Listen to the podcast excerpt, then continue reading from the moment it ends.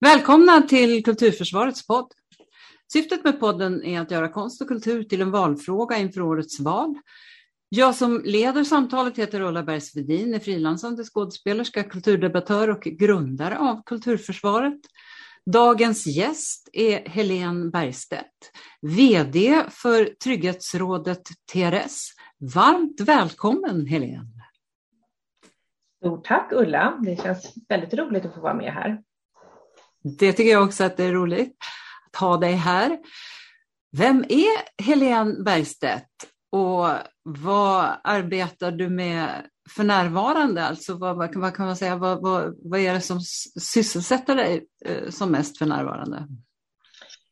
Ja, eh, jag vet inte vilken ände jag ska börja. Vem, vem jag är är ju en stor fråga. Jag ja. tänker att jag, eh, som jag inte ens vet om jag kan besvara, men eh, man börjar med vad jag arbetar med så är jag då som sagt var VD på Trygghetsrådet TRS sedan ganska många år. Eh, och TRS är ju en kollektivavtalad omställningsorganisation på scenkonstområdet och även inom ideell och idéburen sektor.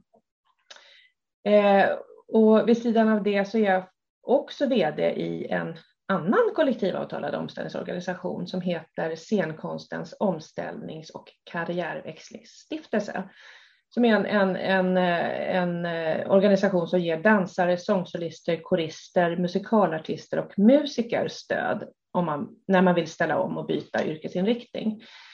Ehm, så att man kan väl säga att det, det, det, jag, det som just står på högkant för oss i, i TRS just nu, det är de här pågående eh, lagstiftningsförändringarna inom arbetsrätten och inom eh, möjligheten att studera som vuxen, yrkesverksam. Eh, och huruvida det kommer då att, hur, hur, hur TRS omställningsavtal eventuellt kommer anpassas till, till de frågorna. Och där tittar vi väldigt mycket på vad det kan betyda för oss och hur vi ska leverera ett eventuellt nytt uppdrag då som kan komma här under våren. Det är ju en, en jättestor fråga för oss och alla andra omställningsorganisationer förstås. Eh, men jag själv då? Jag är ju då kort om mig som, som min liksom bakgrund så är jurist i botten. Jag har inriktat mig på från början på upphovsrätt och arbetsrätt. Och man kan väl säga att att för mig så har en röd tråd genom hela yrkeslivet varit att eh, försöka hjälpa människor på olika sätt skulle jag vilja säga. Mm. Eh, och det har jag gjort både genom mina tidigare arbeten på, på olika fackförbund, bland annat scen och film. Eh, och på fackförbundstiden så arbetade jag för, för att förbättra villkoren för medlemmarna. Men jag skulle vilja påstå att mitt arbete idag väldigt mycket, eller för att inte säga Eh, nästan helt och hållet handlar om att hjälpa och eh, stärka människor som många gånger befinner sig i en svår situation och en oviss situation när man kanske står utan jobb och utan försörjning. Och eh, ett skäl till att jag har varit kvar så många år här på TLS är att det är så otroligt meningsfullt och engagerande. Och det är verkligen en, en förmån att få vara med och jobba i en organisation där vi kan hjälpa människor när det verkligen behövs, kan man säga. Så det är väl kort om mig och, och min bakgrund, tänker jag.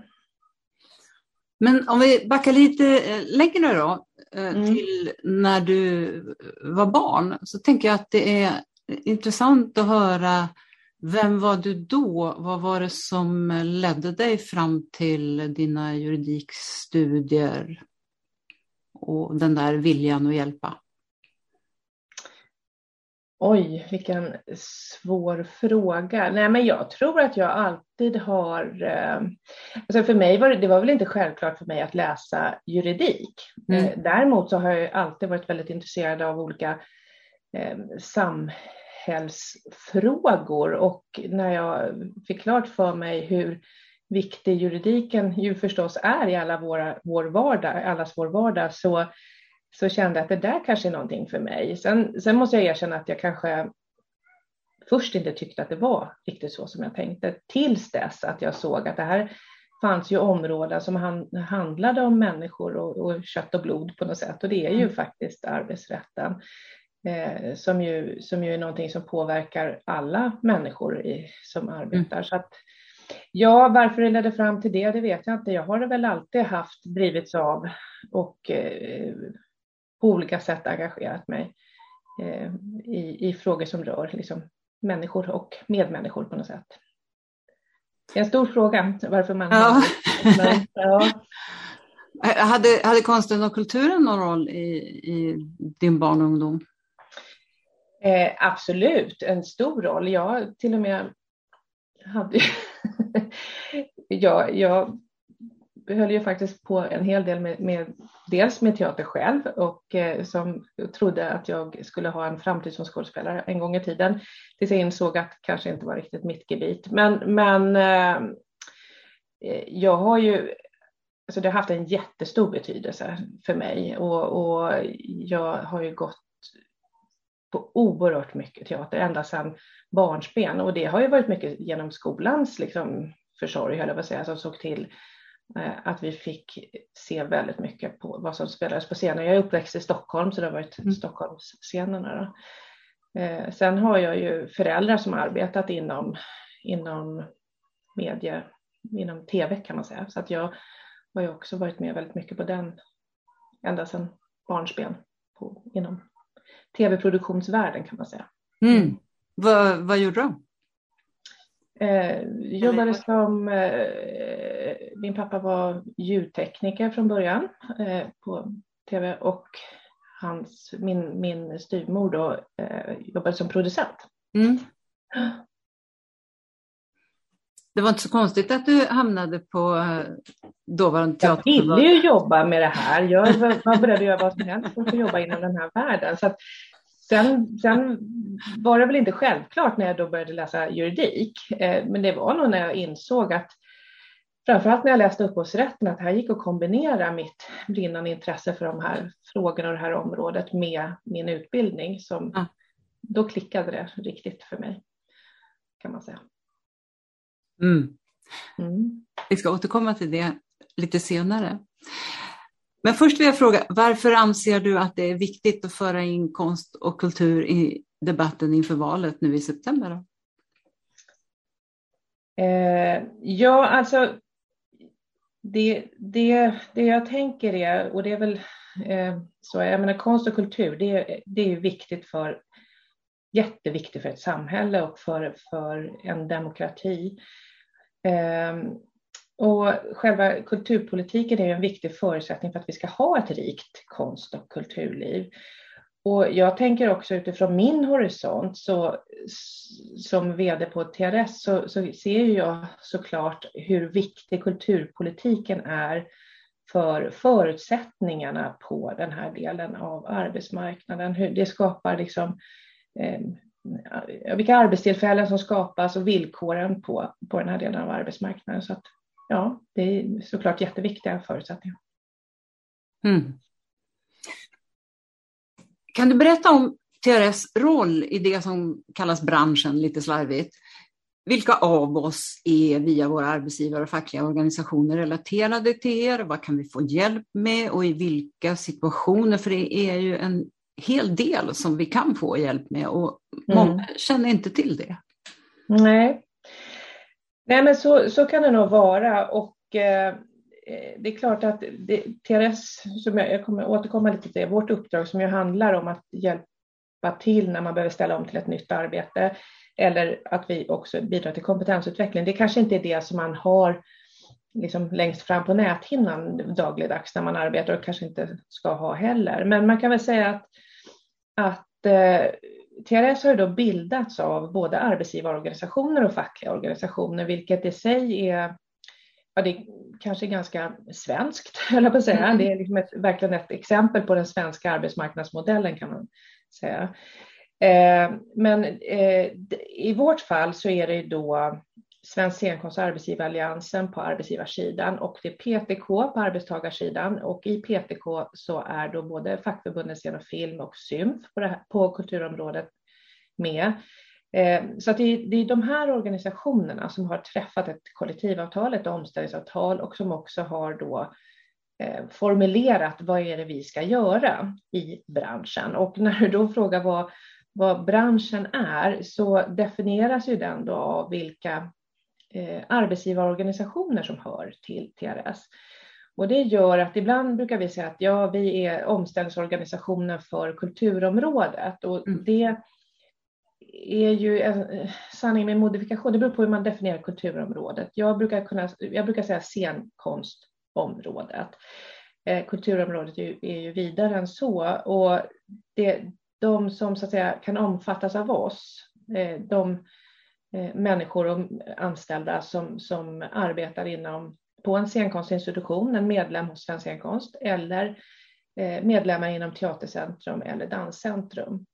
Arbetar man inom film, media eller tv eller så, då, det omfattas inte av TRS. Så att den, den del av kulturområdet som vi täcker är egentligen scenkonstområdet kan man säga. Och det här vad man kan få hjälp med och i vilka situationer? Mm.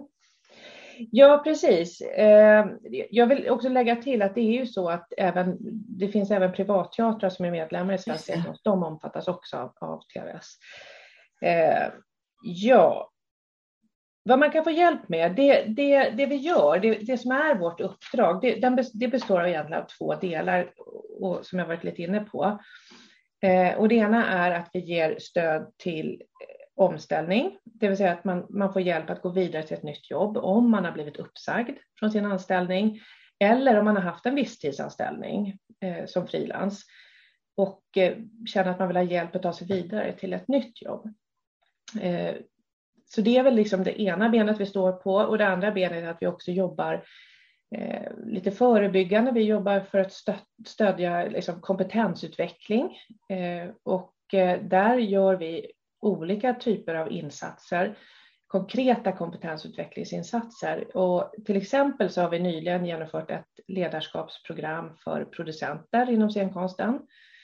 Eh, och nu planerar vi för ett, ett kompetensutvecklingsprogram som syftar till att stärka blivande chefer, eh, Eh, alltså personer som kan tänka sig att bli chef. Eh, och där är, syftar liksom kompetensutvecklingen till att Eh, stärka dem i, inom områdena mångfald, hållbarhet och inkludering. Eh, så det här är ett ganska stort ben hos oss där vi jobbar på olika sätt. Vi har faktiskt i år också ett eh, ESF-finansierat eh, projekt, kompetensutvecklingsprojekt, mm. som jag återkommer lite till sen, men där, där, där vi kommer kunna erbjuda väldigt mycket kompetens, extra mycket kompetensutveckling under året tack vare de ESF-medlen.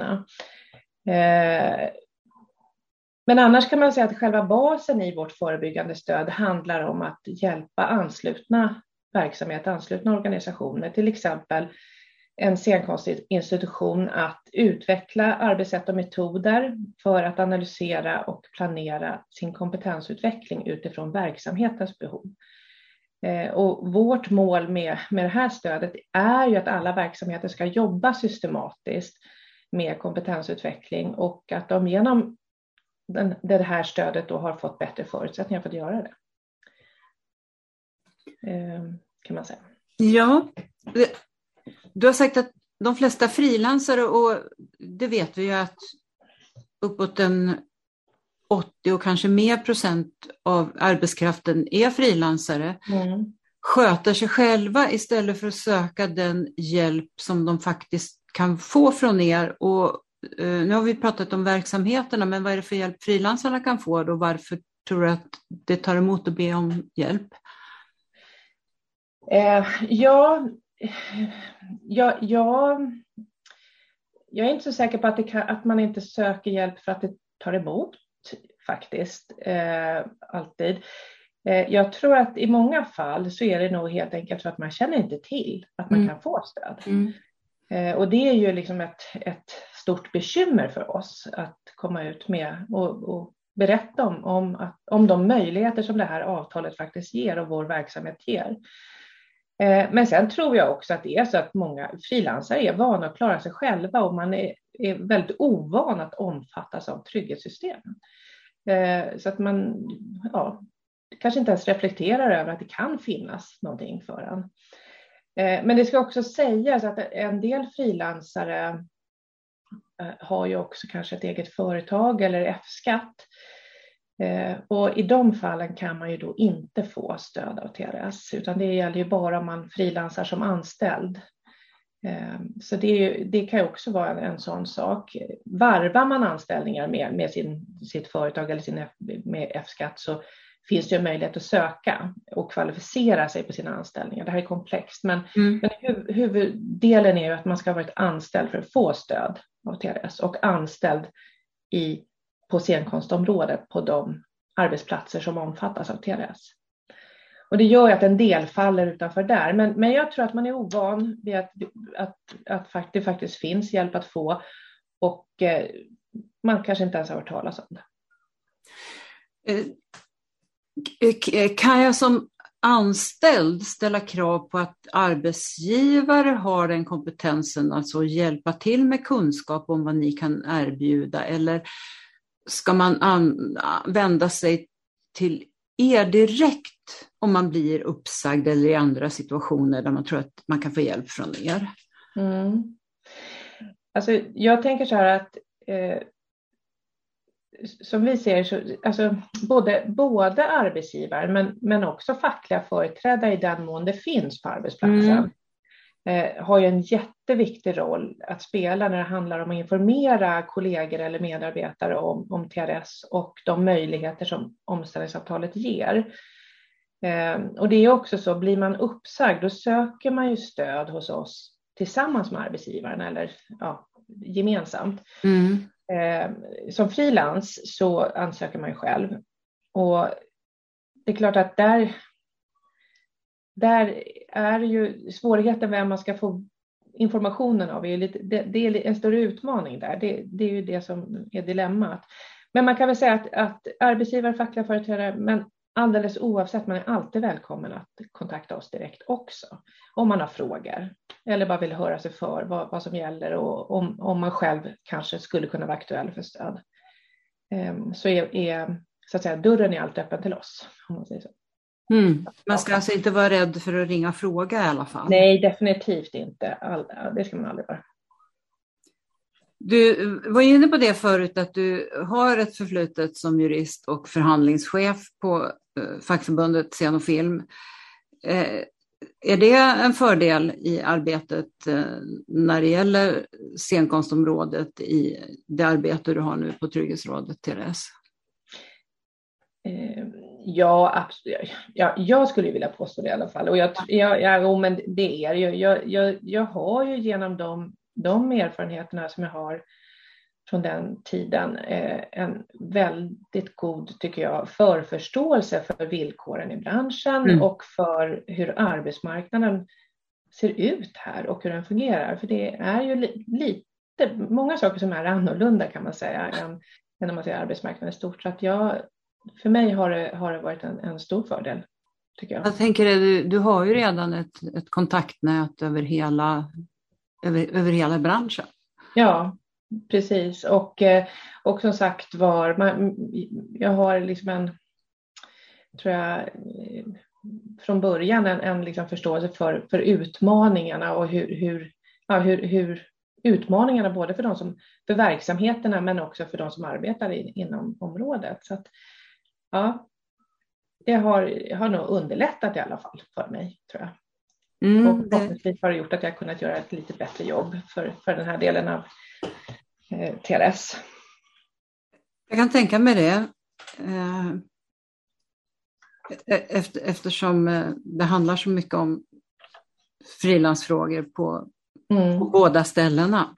Mm, absolut. Den här pandemin som ju enligt dagens rapporter håller på att klinga av. Vi mm. hoppas att, att det är så. Mm. Under den så har ju förtvivlat många blivit av med sin försörjning och många i vissa yrken och särskilt de som driver egna företag har tvingats byta bransch. Hur har situationen under de här två åren påverkat er verksamhet och ert arbete? Eh, ja, alltså det har ju varit de här två åren, det har varit en helt unik situation för oss alla egentligen och hela världen och alla verksamheter på, på olika sätt. Eh, men, men om jag då tittar lite snävare på, på TRS och, och vår verksamhet så har det varit väldigt speciellt, speciella år. Eh, man kan väl säga att det här, alltså scenkonsten, eh, idrotten och an, många andra verksamheter inom civilsamhället drabbades ju oerhört hårt eh, av restriktionerna som, som kom redan då våren 2020. Eh, och man kanske till och med faktiskt drabbades allra, allra först. Och det, bara det är ju en, en ganska ovanlig situation. Eh, det, det, tog ju liksom tvärstopp mm. där mm. i mars, april 2020. Och, och vi vet ju att det har drabbat på, om man ser på de som jobbar i, i branschen, frilansare, oerhört hårt. Alltså jobb försvann ju från en dag till en annan. Eh, och vi vet också att kanske särskilt verksamheter som inte har någon offentlig finansiering har varit hårt drabbade. Jag tänker på till exempel privatteaterområdet. Eh, det finns andra sådana områden också. Men det som, det som hände var, var också ovanligt för, för TRS. Vi har ju så att säga de här branscherna, ideell sektor och eh, scenkonstområdet är normalt sett inte särskilt konjunkturkänsliga. Mm. Men det vi såg nu, det var ju en, en eh, explosion av uppsägningar eh, mm. som kom. Så det sköt ju i höjden redan sommaren 2020. Och det var på ett helt annat sätt än vi i modern tid har varit vana vid på, på TRS. Eh, på den här delen av arbetsmarknaden. Man har ju kanske sett det på andra delar i, i lågkonjunkturer. Så. Men eh, det, det gjorde ju att vi fick ju så att säga kavla upp ärmarna och eh, snabbt skala upp verksamheten för att möta, liksom, möta de, de behov som fanns eh, då. Eh, och, eh, och det var ju i första hand att möta alla människor som, som faktiskt blev av med sina jobb. Eh, men det handlade också om att, hjälpa. Det här är ju inte lätt som arbetsgivarföreträdare heller och man är inte alltid van att hantera uppsägningar och det är svårt att säga upp medarbetare. Så att vi har ett uppdrag att också hjälpa arbetsgivare och fackliga företrädare i, inte i det arbetsrättsliga, men i det mellanmänskliga. Så att säga. Hur gör man en uppsägning på ett, ett, eh, ett så bra sätt som det bara går? Eh, och, så att där fick vi också verkligen skala upp verksamheten. Eh, och vi såg ju till att vi var rätt så att säga, digitala i våra arbetssätt från början, men nu övergick vi helt till digitalt och alla våra fysiska seminarier ändrade vi till webbinarier. Vi ökade markant antalet webbinarier och som ju kunde handla både om hur man så att säga, blir bättre på att söka jobb, men också eh, handlar det om måendet som man inte får glömma bort i en situation, sån här situationer Att eh, det, är en, det är en stressande situation att bli av med jobbet, men att dessutom bli av med jobbet under en pandemi är ännu värre. Så att, eh, ja, vi jobbade på alla sätt vi kunde för att, att säga, öka vår tillgänglighet och eh, finnas till hands för de som behövde oss. Mm. Hur, eh, hur går det till rent praktiskt om en skådespelare eller en annan yrkesutövare inom det konstnärliga området blivit uppsagd på grund av arbetsbrist? Kommer till er, vad, vad, mm. vad sker rent konkret då? Ja, alltså det som sker rent konkret är ju att när, alltså först måste man ju ansöka om stöd, vi har ett, mm. ett sådant förfarande och, det, man, och, och där är det en skillnad, är du då uppsagd och har varit tillsvidareanställd, då söker du som jag sa tidigare tillsammans med arbetsgivaren.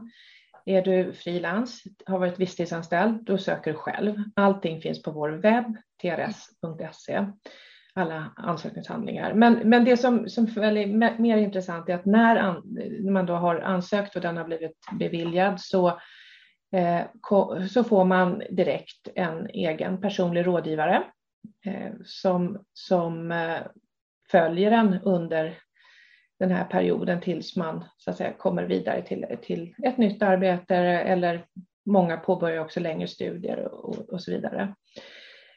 Men personliga rådgivaren är på något sätt navet och stödet och den resurs som, som många brukar lyfta fram som absolut den viktigaste i, i det här läget, framförallt initialt. Vi har också väldigt mycket digitalt stöd som man får tillgång direkt eh, eh, till, eh, där man kan både gå kortare kurser eller jobba med sitt CV eller ja, så vidare. Eh, men som sagt den här personliga rådgivaren är då med hela tiden, finns stöd som bollplank på det sätt som man behöver. Det här lägger man ju upp tillsammans.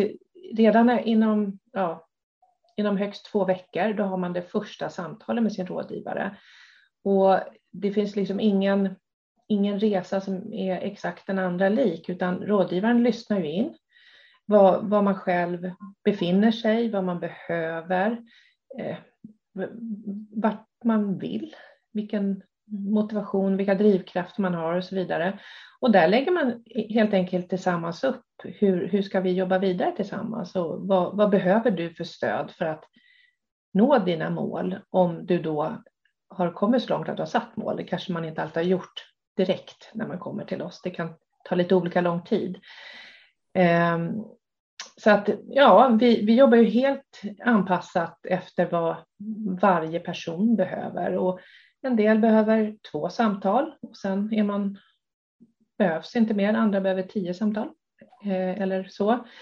En del behöver speciell coachning av något slag eller ja, vi, kan ju, vi, har, ett väldigt, vi har en ganska stor palett av liksom insatser vi kan sätta in för att hjälpa dig vidare. Eh, vi kan betala kurskostnader och, och så vidare. Så att, eh, det, det, startar egentligen med det här rådgivarsamtalet och sen lägger man upp en, en plan på olika sätt och den anpassas efter dig och dina behov så att säga. Eh, ni arbetar med kompetensutveckling för att rusta människor då, som du säger också för att kunna hålla sig kvar i branschen för att det finns ju också en risk för kompetensbrist efter pandemin. Mm. Men många kan ju inte vara kvar på grund av anställningsformerna. Är det något som ni har pratat om i er styrelse där parterna inom scenkonstområdet är representerade? Ja, alltså man kan väl säga så här att det, det har blivit väldigt tydligt nu under pandemin att risken är ganska stor att människor och, och, viktiga kompetenser försvinner från branschen, kanske redan har hunnit försvinna från branschen. Eh, och som, som jag var inne på tidigare så, så, så var det ju faktiskt så att liksom, otroligt många arbetstillfällen försvann ju över en natt i början på pandemin. Eh, och då är det klart att då hamnar man i ett läge där man så att säga, behöver hitta ett annat sätt att betala sin hyra och sina utgifter. Och, så jag skulle vilja säga att det är just det behovet som har gjort, alltså behovet av att försörja sig har ju såklart gjort att många har varit tvungna att lämna branschen. En del kanske tillfälligt, andra för gott. Och, och det är väl just det man är lite orolig för. Eh, och eh, den här frågan har ju då varit uppe i TRS styrelse ett antal gånger. Och eh, det finns liksom en stark oro i styrelsen och, och eh, från, från parterna på scenkonstområdet ska jag säga att kompetens försvinner och att det här kommer påverka scenkonsten både, negativt både på kort och på längre sikt. Ehm, så att där har man ju fört eh, och, olika typer av diskussioner. Vad, vad kan de olika strukturerna inom scenkonstområdet bidra till och där, där TRS är en, en ingrediens, så att säga, en, en typ av struktur. Eh, och vi fick då i uppdrag av styrelsen att titta på vilka insatser skulle TRS kunna göra för att möta behoven, för att, för att säga, motverka eh, en kompetensbrist framåt.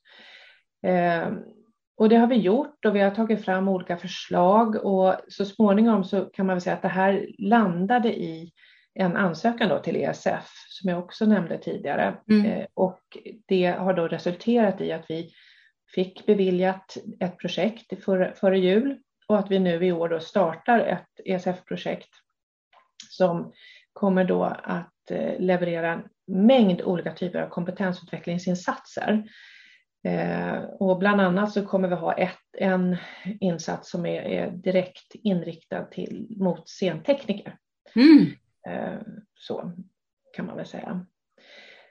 Eh, så att, ja, det är väl egentligen så, så långt vi har kommit nu, men det här är ju alltjämt en, en aktuell fråga och kommer vara eh, framåt just eh, eh, risken eller den kanske faktiska bristen på, på kompetens som, som kommer att eh, göra det svårare nu när, när man ska starta upp igen efter pandemin. Men, eh, kommer det här också, ESF-medel tenderar ju ibland att, att bara riktas till anställda, men kommer det här att omfatta även frilansare då? Eh, ja, det gör det, så att säga. men definitionen enligt ESF är anställda, så att det, inte, det är i alla fall inte uppsagda, så att säga. det är inte den, den målgruppen mm. som KRS har, men det är anställda. Sen, sen vet vi ju sen tidigare att, att eh, just den definitionen är lite knepig när det gäller frilansare, men, men eh, det är vår förhoppning i alla fall att man ska kunna inkludera det. Och framförallt om vi nu tittar på den här insatsen för scentekniker så är ju det nästan en förutsättning att vi också når frilansande scentekniker. Mm. Mm. Eh, för det är väl också så att när, när, när människor väl har lämnat vår bransch, då eh, har inte ni några möjligheter att ge stöd för att de ska kunna komma tillbaka? Nej, det har vi ju faktiskt inte. Eh, det, det är inte det som, som är vårt uppdrag i alla fall. Att, eh, utan vårt uppdrag är att ge stöd till de som jobbar i branschen när de behöver hjälp att ta sig vidare till ett nytt jobb. Och det kan ju vara i samma bransch eller en annan bransch, men, men att, att få människor, liksom, att få tillbaka människor till branschen, det är inte vårt uppdrag Nej. så som det ser ut. Du har ju varit inne på det redan, att ni arbetar förebyggande med kompetensstöd. Eh, mm. Berätta lite mer om vad det är ni gör. Ja, eh, och där, som sagt där jobbar vi ju på lite olika sätt. Eh, antingen gör vi lite större insatser på, på, liksom i branschen, kan vara riktat till yrkesgrupper eller till flera olika verksamheter. Men, men ytterst handlar det här om att, att, eh, att hjälpa anslutna verksamheter att lära sig att, som, som jag sa, liksom metoder eh, för att själva systematiskt arbeta med det här. För det, det är så oerhört viktigt att man ständigt jobbar med att utveckla sina medarbetare, både tillsvidareanställda och frilans eller tidsbegränsat anställda, eh, i, i, relation till vad som sker i omvärlden och i relation till, de, till det uppdrag och de mål man har. Eh, det är liksom grundläggande för att man ska också kunna leverera den typen av verksamhet och följa med sin, sin, sin samtid och stå starka även i framtiden så att säga. Så att vår, vårt fokus är, även om själva insatsen handlar om att just där och då hjälpa till att eh, analysera vilka kompetensbehov man har och ta fram en kompetensplan. Mm. Ehm, så det är liksom de verktygen vi ger där som vi hoppas att man sedan fortsätter använda sig av kontinuerligt i sin verksamhet. Så att man inte eh, så småningom hamnar i ett läge där, där man upplever att man inte har rätt kompetens eh, för den verksamhet man ska bedriva. För då, ja, det är den situationen vi vill förebygga så att säga. Mm. Eh, ni arbetar ju själva systematiskt med att följa förändringar i omvärlden och ni identifierar kontinuerligt trender för att kunna stötta era målgrupper så bra som möjligt. Vilka trender är det som ni har identifierat i dagsläget och vad innebär de för konst och kulturområdet som du ser det? Mm.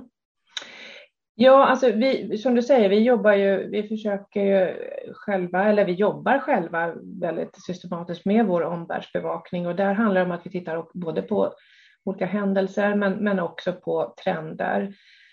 Eh, och vi har ju haft, vi har ju i år, eller ja, vi har prioriterat, vi, det finns flera viktiga trender som pågår som kan påverka TRS verksamhet på olika sätt och de tre som vi har prioriterat nu handlar ju om Eh, att vi ser ett ökat behov av att, eh, eh, arbetstagare ska kunna uppdatera sin kompetens i relation till vad som efterfrågas på arbetsmarknaden.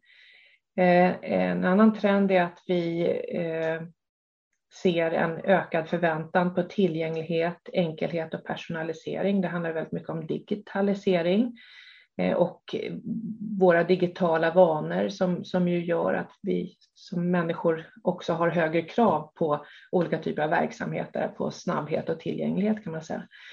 Eh, men den tredje trenden då är att eh, allt fler organisationer arbetar systematiskt med hållbarhet.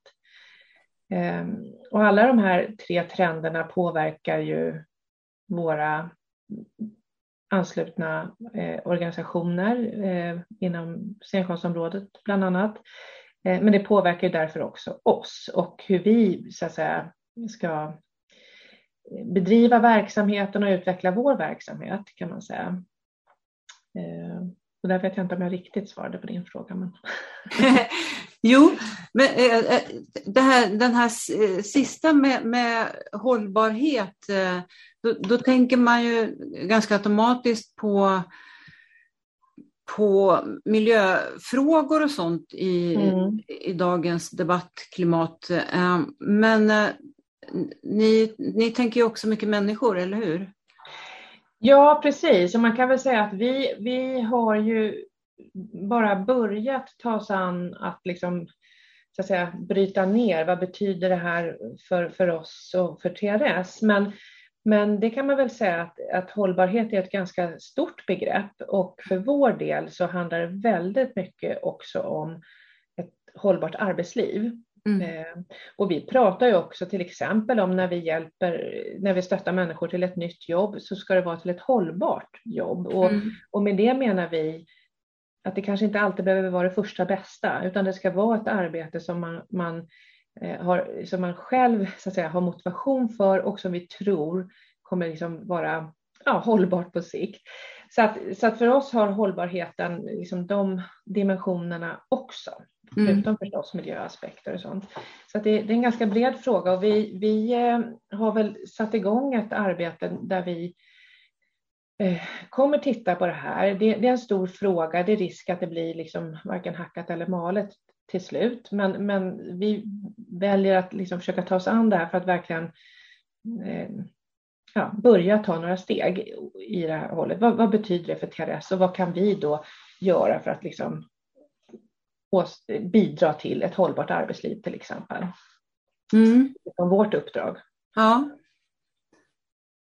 Det är, väl, det är väl nästan en fråga också för hela, hela landet. Känns det ja. Oh ja, och den, den frågan kommer ju säkert komma allt mer och inte minst kanske nu efter, efter pandemin mm. har, har ju det uppmärksammats mycket på olika sätt. Då. Så mm. jag, jag, tror absolut att det, och det är därför som vi liksom så identifierat den trenden som, som, som väldigt viktig, för det här mm. kommer bli en fråga som växer allt mer framåt tror jag. Mm.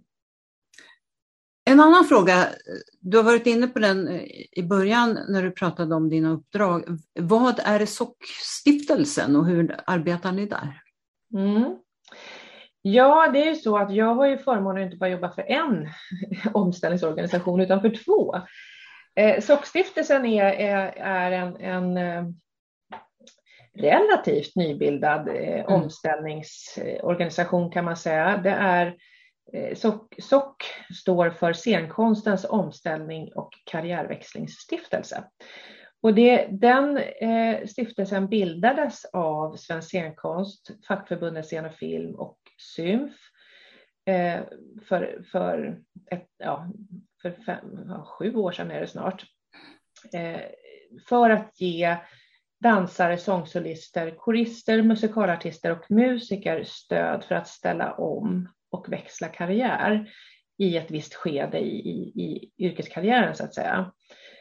Och det man kan säga att eh, det här avtalet som ligger till grund för stiftelsens verksamhet kom ju till när regeringen hade beslutat att avveckla PISA-förordningen som gällde på scenkonstinstitutionerna.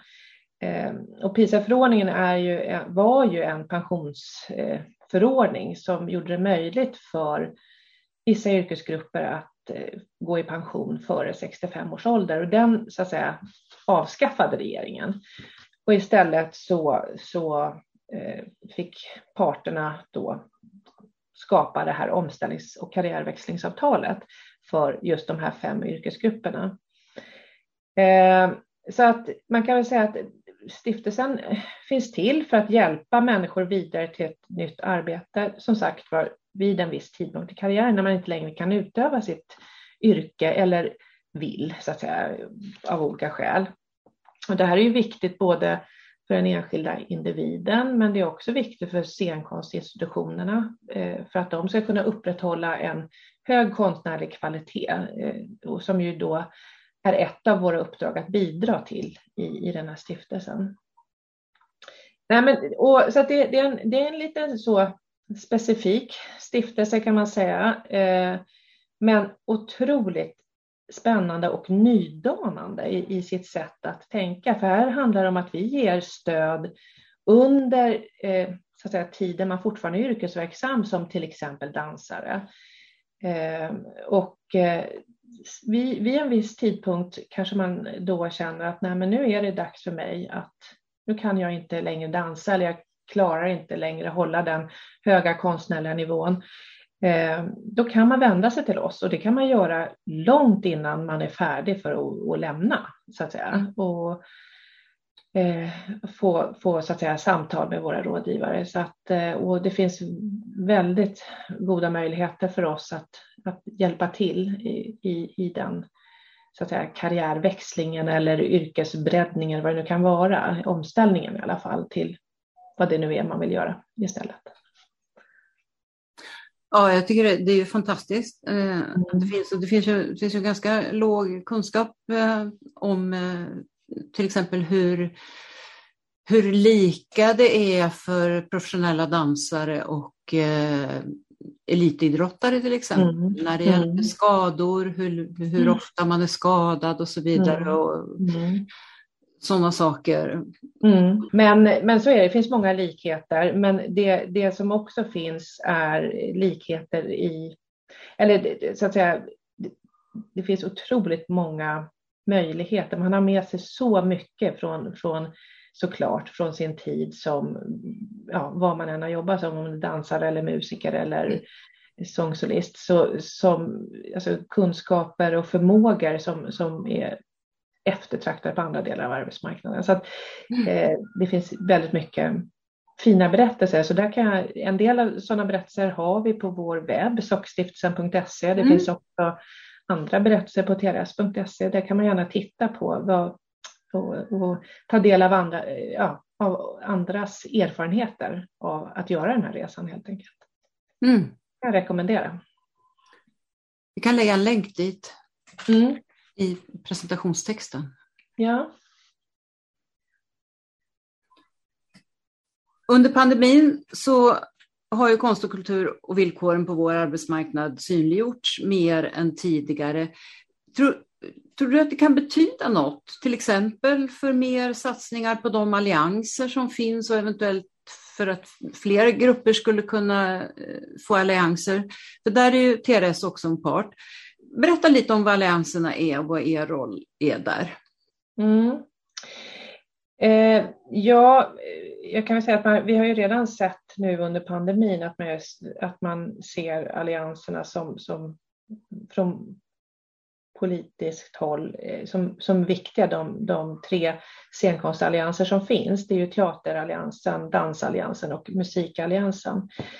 Eh, och TRS är ju delägare i alla tre allianser tillsammans med eh, bland annat eh, Svensk scenkonst och fackförbundet Scen och film.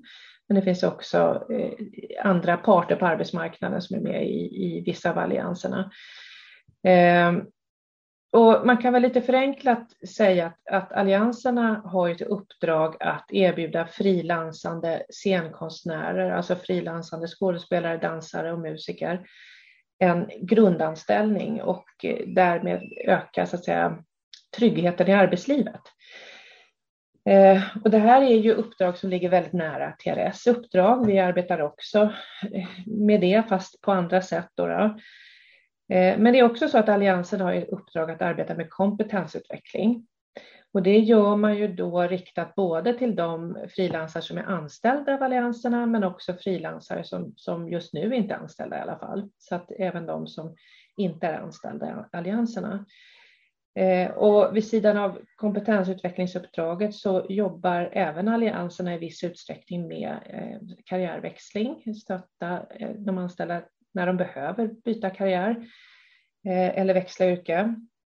Tydligast förstås inom dansallianser för dansare. Eh, men eh, man kan väl säga att när det gäller både kompetensutveckling och karriärväxling så är det frågor som TRS också arbetar med. Och vi eh, skulle jag vilja säga, har en expertkompetens på det området. Och jag tror att parterna, de andra så att säga, parterna som är delägare i allianserna, ser ett värde i att föra in TRS kompetens på områdena, de här områdena genom att TRS då deltar i styrelsearbetet. Eh, jag tror också att det kan vara eh, en, en fördel att TRS ju kommer in också som en, när det är partsägda bolag och TRS är så att säga, en partsneutral organisation och det kan finnas fördelar med det också. Så. Ja, man får ju också hjälp med marknadsföring inom allianserna. Eh, de anställda menar du? Ja, de som är anställda inom Ja, allianserna. allianserna har ju också ett så att säga, arbetsförmedlande uppdrag. Ja. Eh, så att det, och det är väl ett sätt som det tar sig till uttryck, tänker jag. Precis. Och eh, Eh, ser du några grupper som eh, skulle kunna vara möjliga för att också så att säga, bli föremål för allianser framöver? Om det tillskjuts medel? Eh, ja, alltså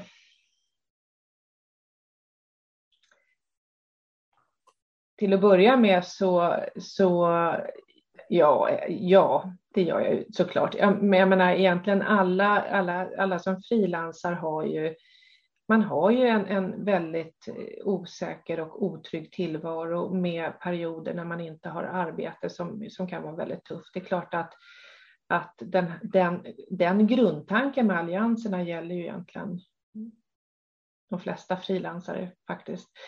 Eh, sen kanske det inte är möjligt, höll jag på att säga, men, men eh, jag, jag, kan inte peka ut någon särskild grupp. Det är klart att behoven finns. Eh, mm. det finns behov även i, om man ser till exempel eh, de allianser som redan finns. Det finns ju mängder med frilansare som det inte finns resurser så att, säga, att mm. anställa, eh, som, som också skulle behöva det. Så att, eh, samtidigt som man ska verkligen värna och vårda det som, som finns så att säga, och inte ställa emot varandra tycker jag. För att det är så oerhört viktigt för, för, för området. Men, men det är klart att, att det finns många andra grupper som också har motsvarande behov. Mm. Skulle behöva utvidgas överhuvudtaget, både de som finns och nya? Ja, Precis, men det svåra är ju så att säga, det är ju alltid som alltid det finansieringen, men det där, det, det, det där tarvar nästan en helt egen diskussion, men, men, men, men så är det ju såklart. Vi kan i alla fall konstatera att de gör väldigt stor nytta, eh, de som finns. Verkligen, verkligen. Jag har en avslutande fråga till dig, Helene. Mm. På vilket sätt och vilka anser du att konst och kulturpolitiken bör debatteras inför valet? Så att det som står i alla kulturplanerna blir tydligt att konst och kultur är viktigt för såväl samhälle som medborgare. Mm tror att det är bra, att det skulle vara bra om fler röster hördes som, som så att säga eh, kom från andra än kulturpolitiker och de som arbetar i branschen, för det är de som oftast hörs i debatten. Eh, jag, jag, tycker att det eh, skulle vara viktigt, eller det är väldigt viktigt att också eh, andra röster som tycker att konst och kultur är viktigt hörs i debatten så att man breddar det på det sättet. Det, det är väl det. Det skulle vara väldigt skönt, mm. eller hur? Mm. Stort tack Helene för att du ville medverka. Tack Ulla, det var väldigt trevligt att få medverka. Och tack för att ni lyssnade. Och den som vill veta mer om kulturförsvaret och om kommande poddar kan gå in på kulturförsvaret.se. Poddarna hittar ni på sidan och där poddar finns. Och om ni vill gå med i vår Facebookgrupp så är det bara att gå in och ansöka om medlemskap. Gruppen är öppen för alla som är intresserade av konst och kultur och som tycker att det är viktigt att konst och kultur och fri press och media diskuteras på samma villkor som andra politikområden inför valet. Tack och på återhörande!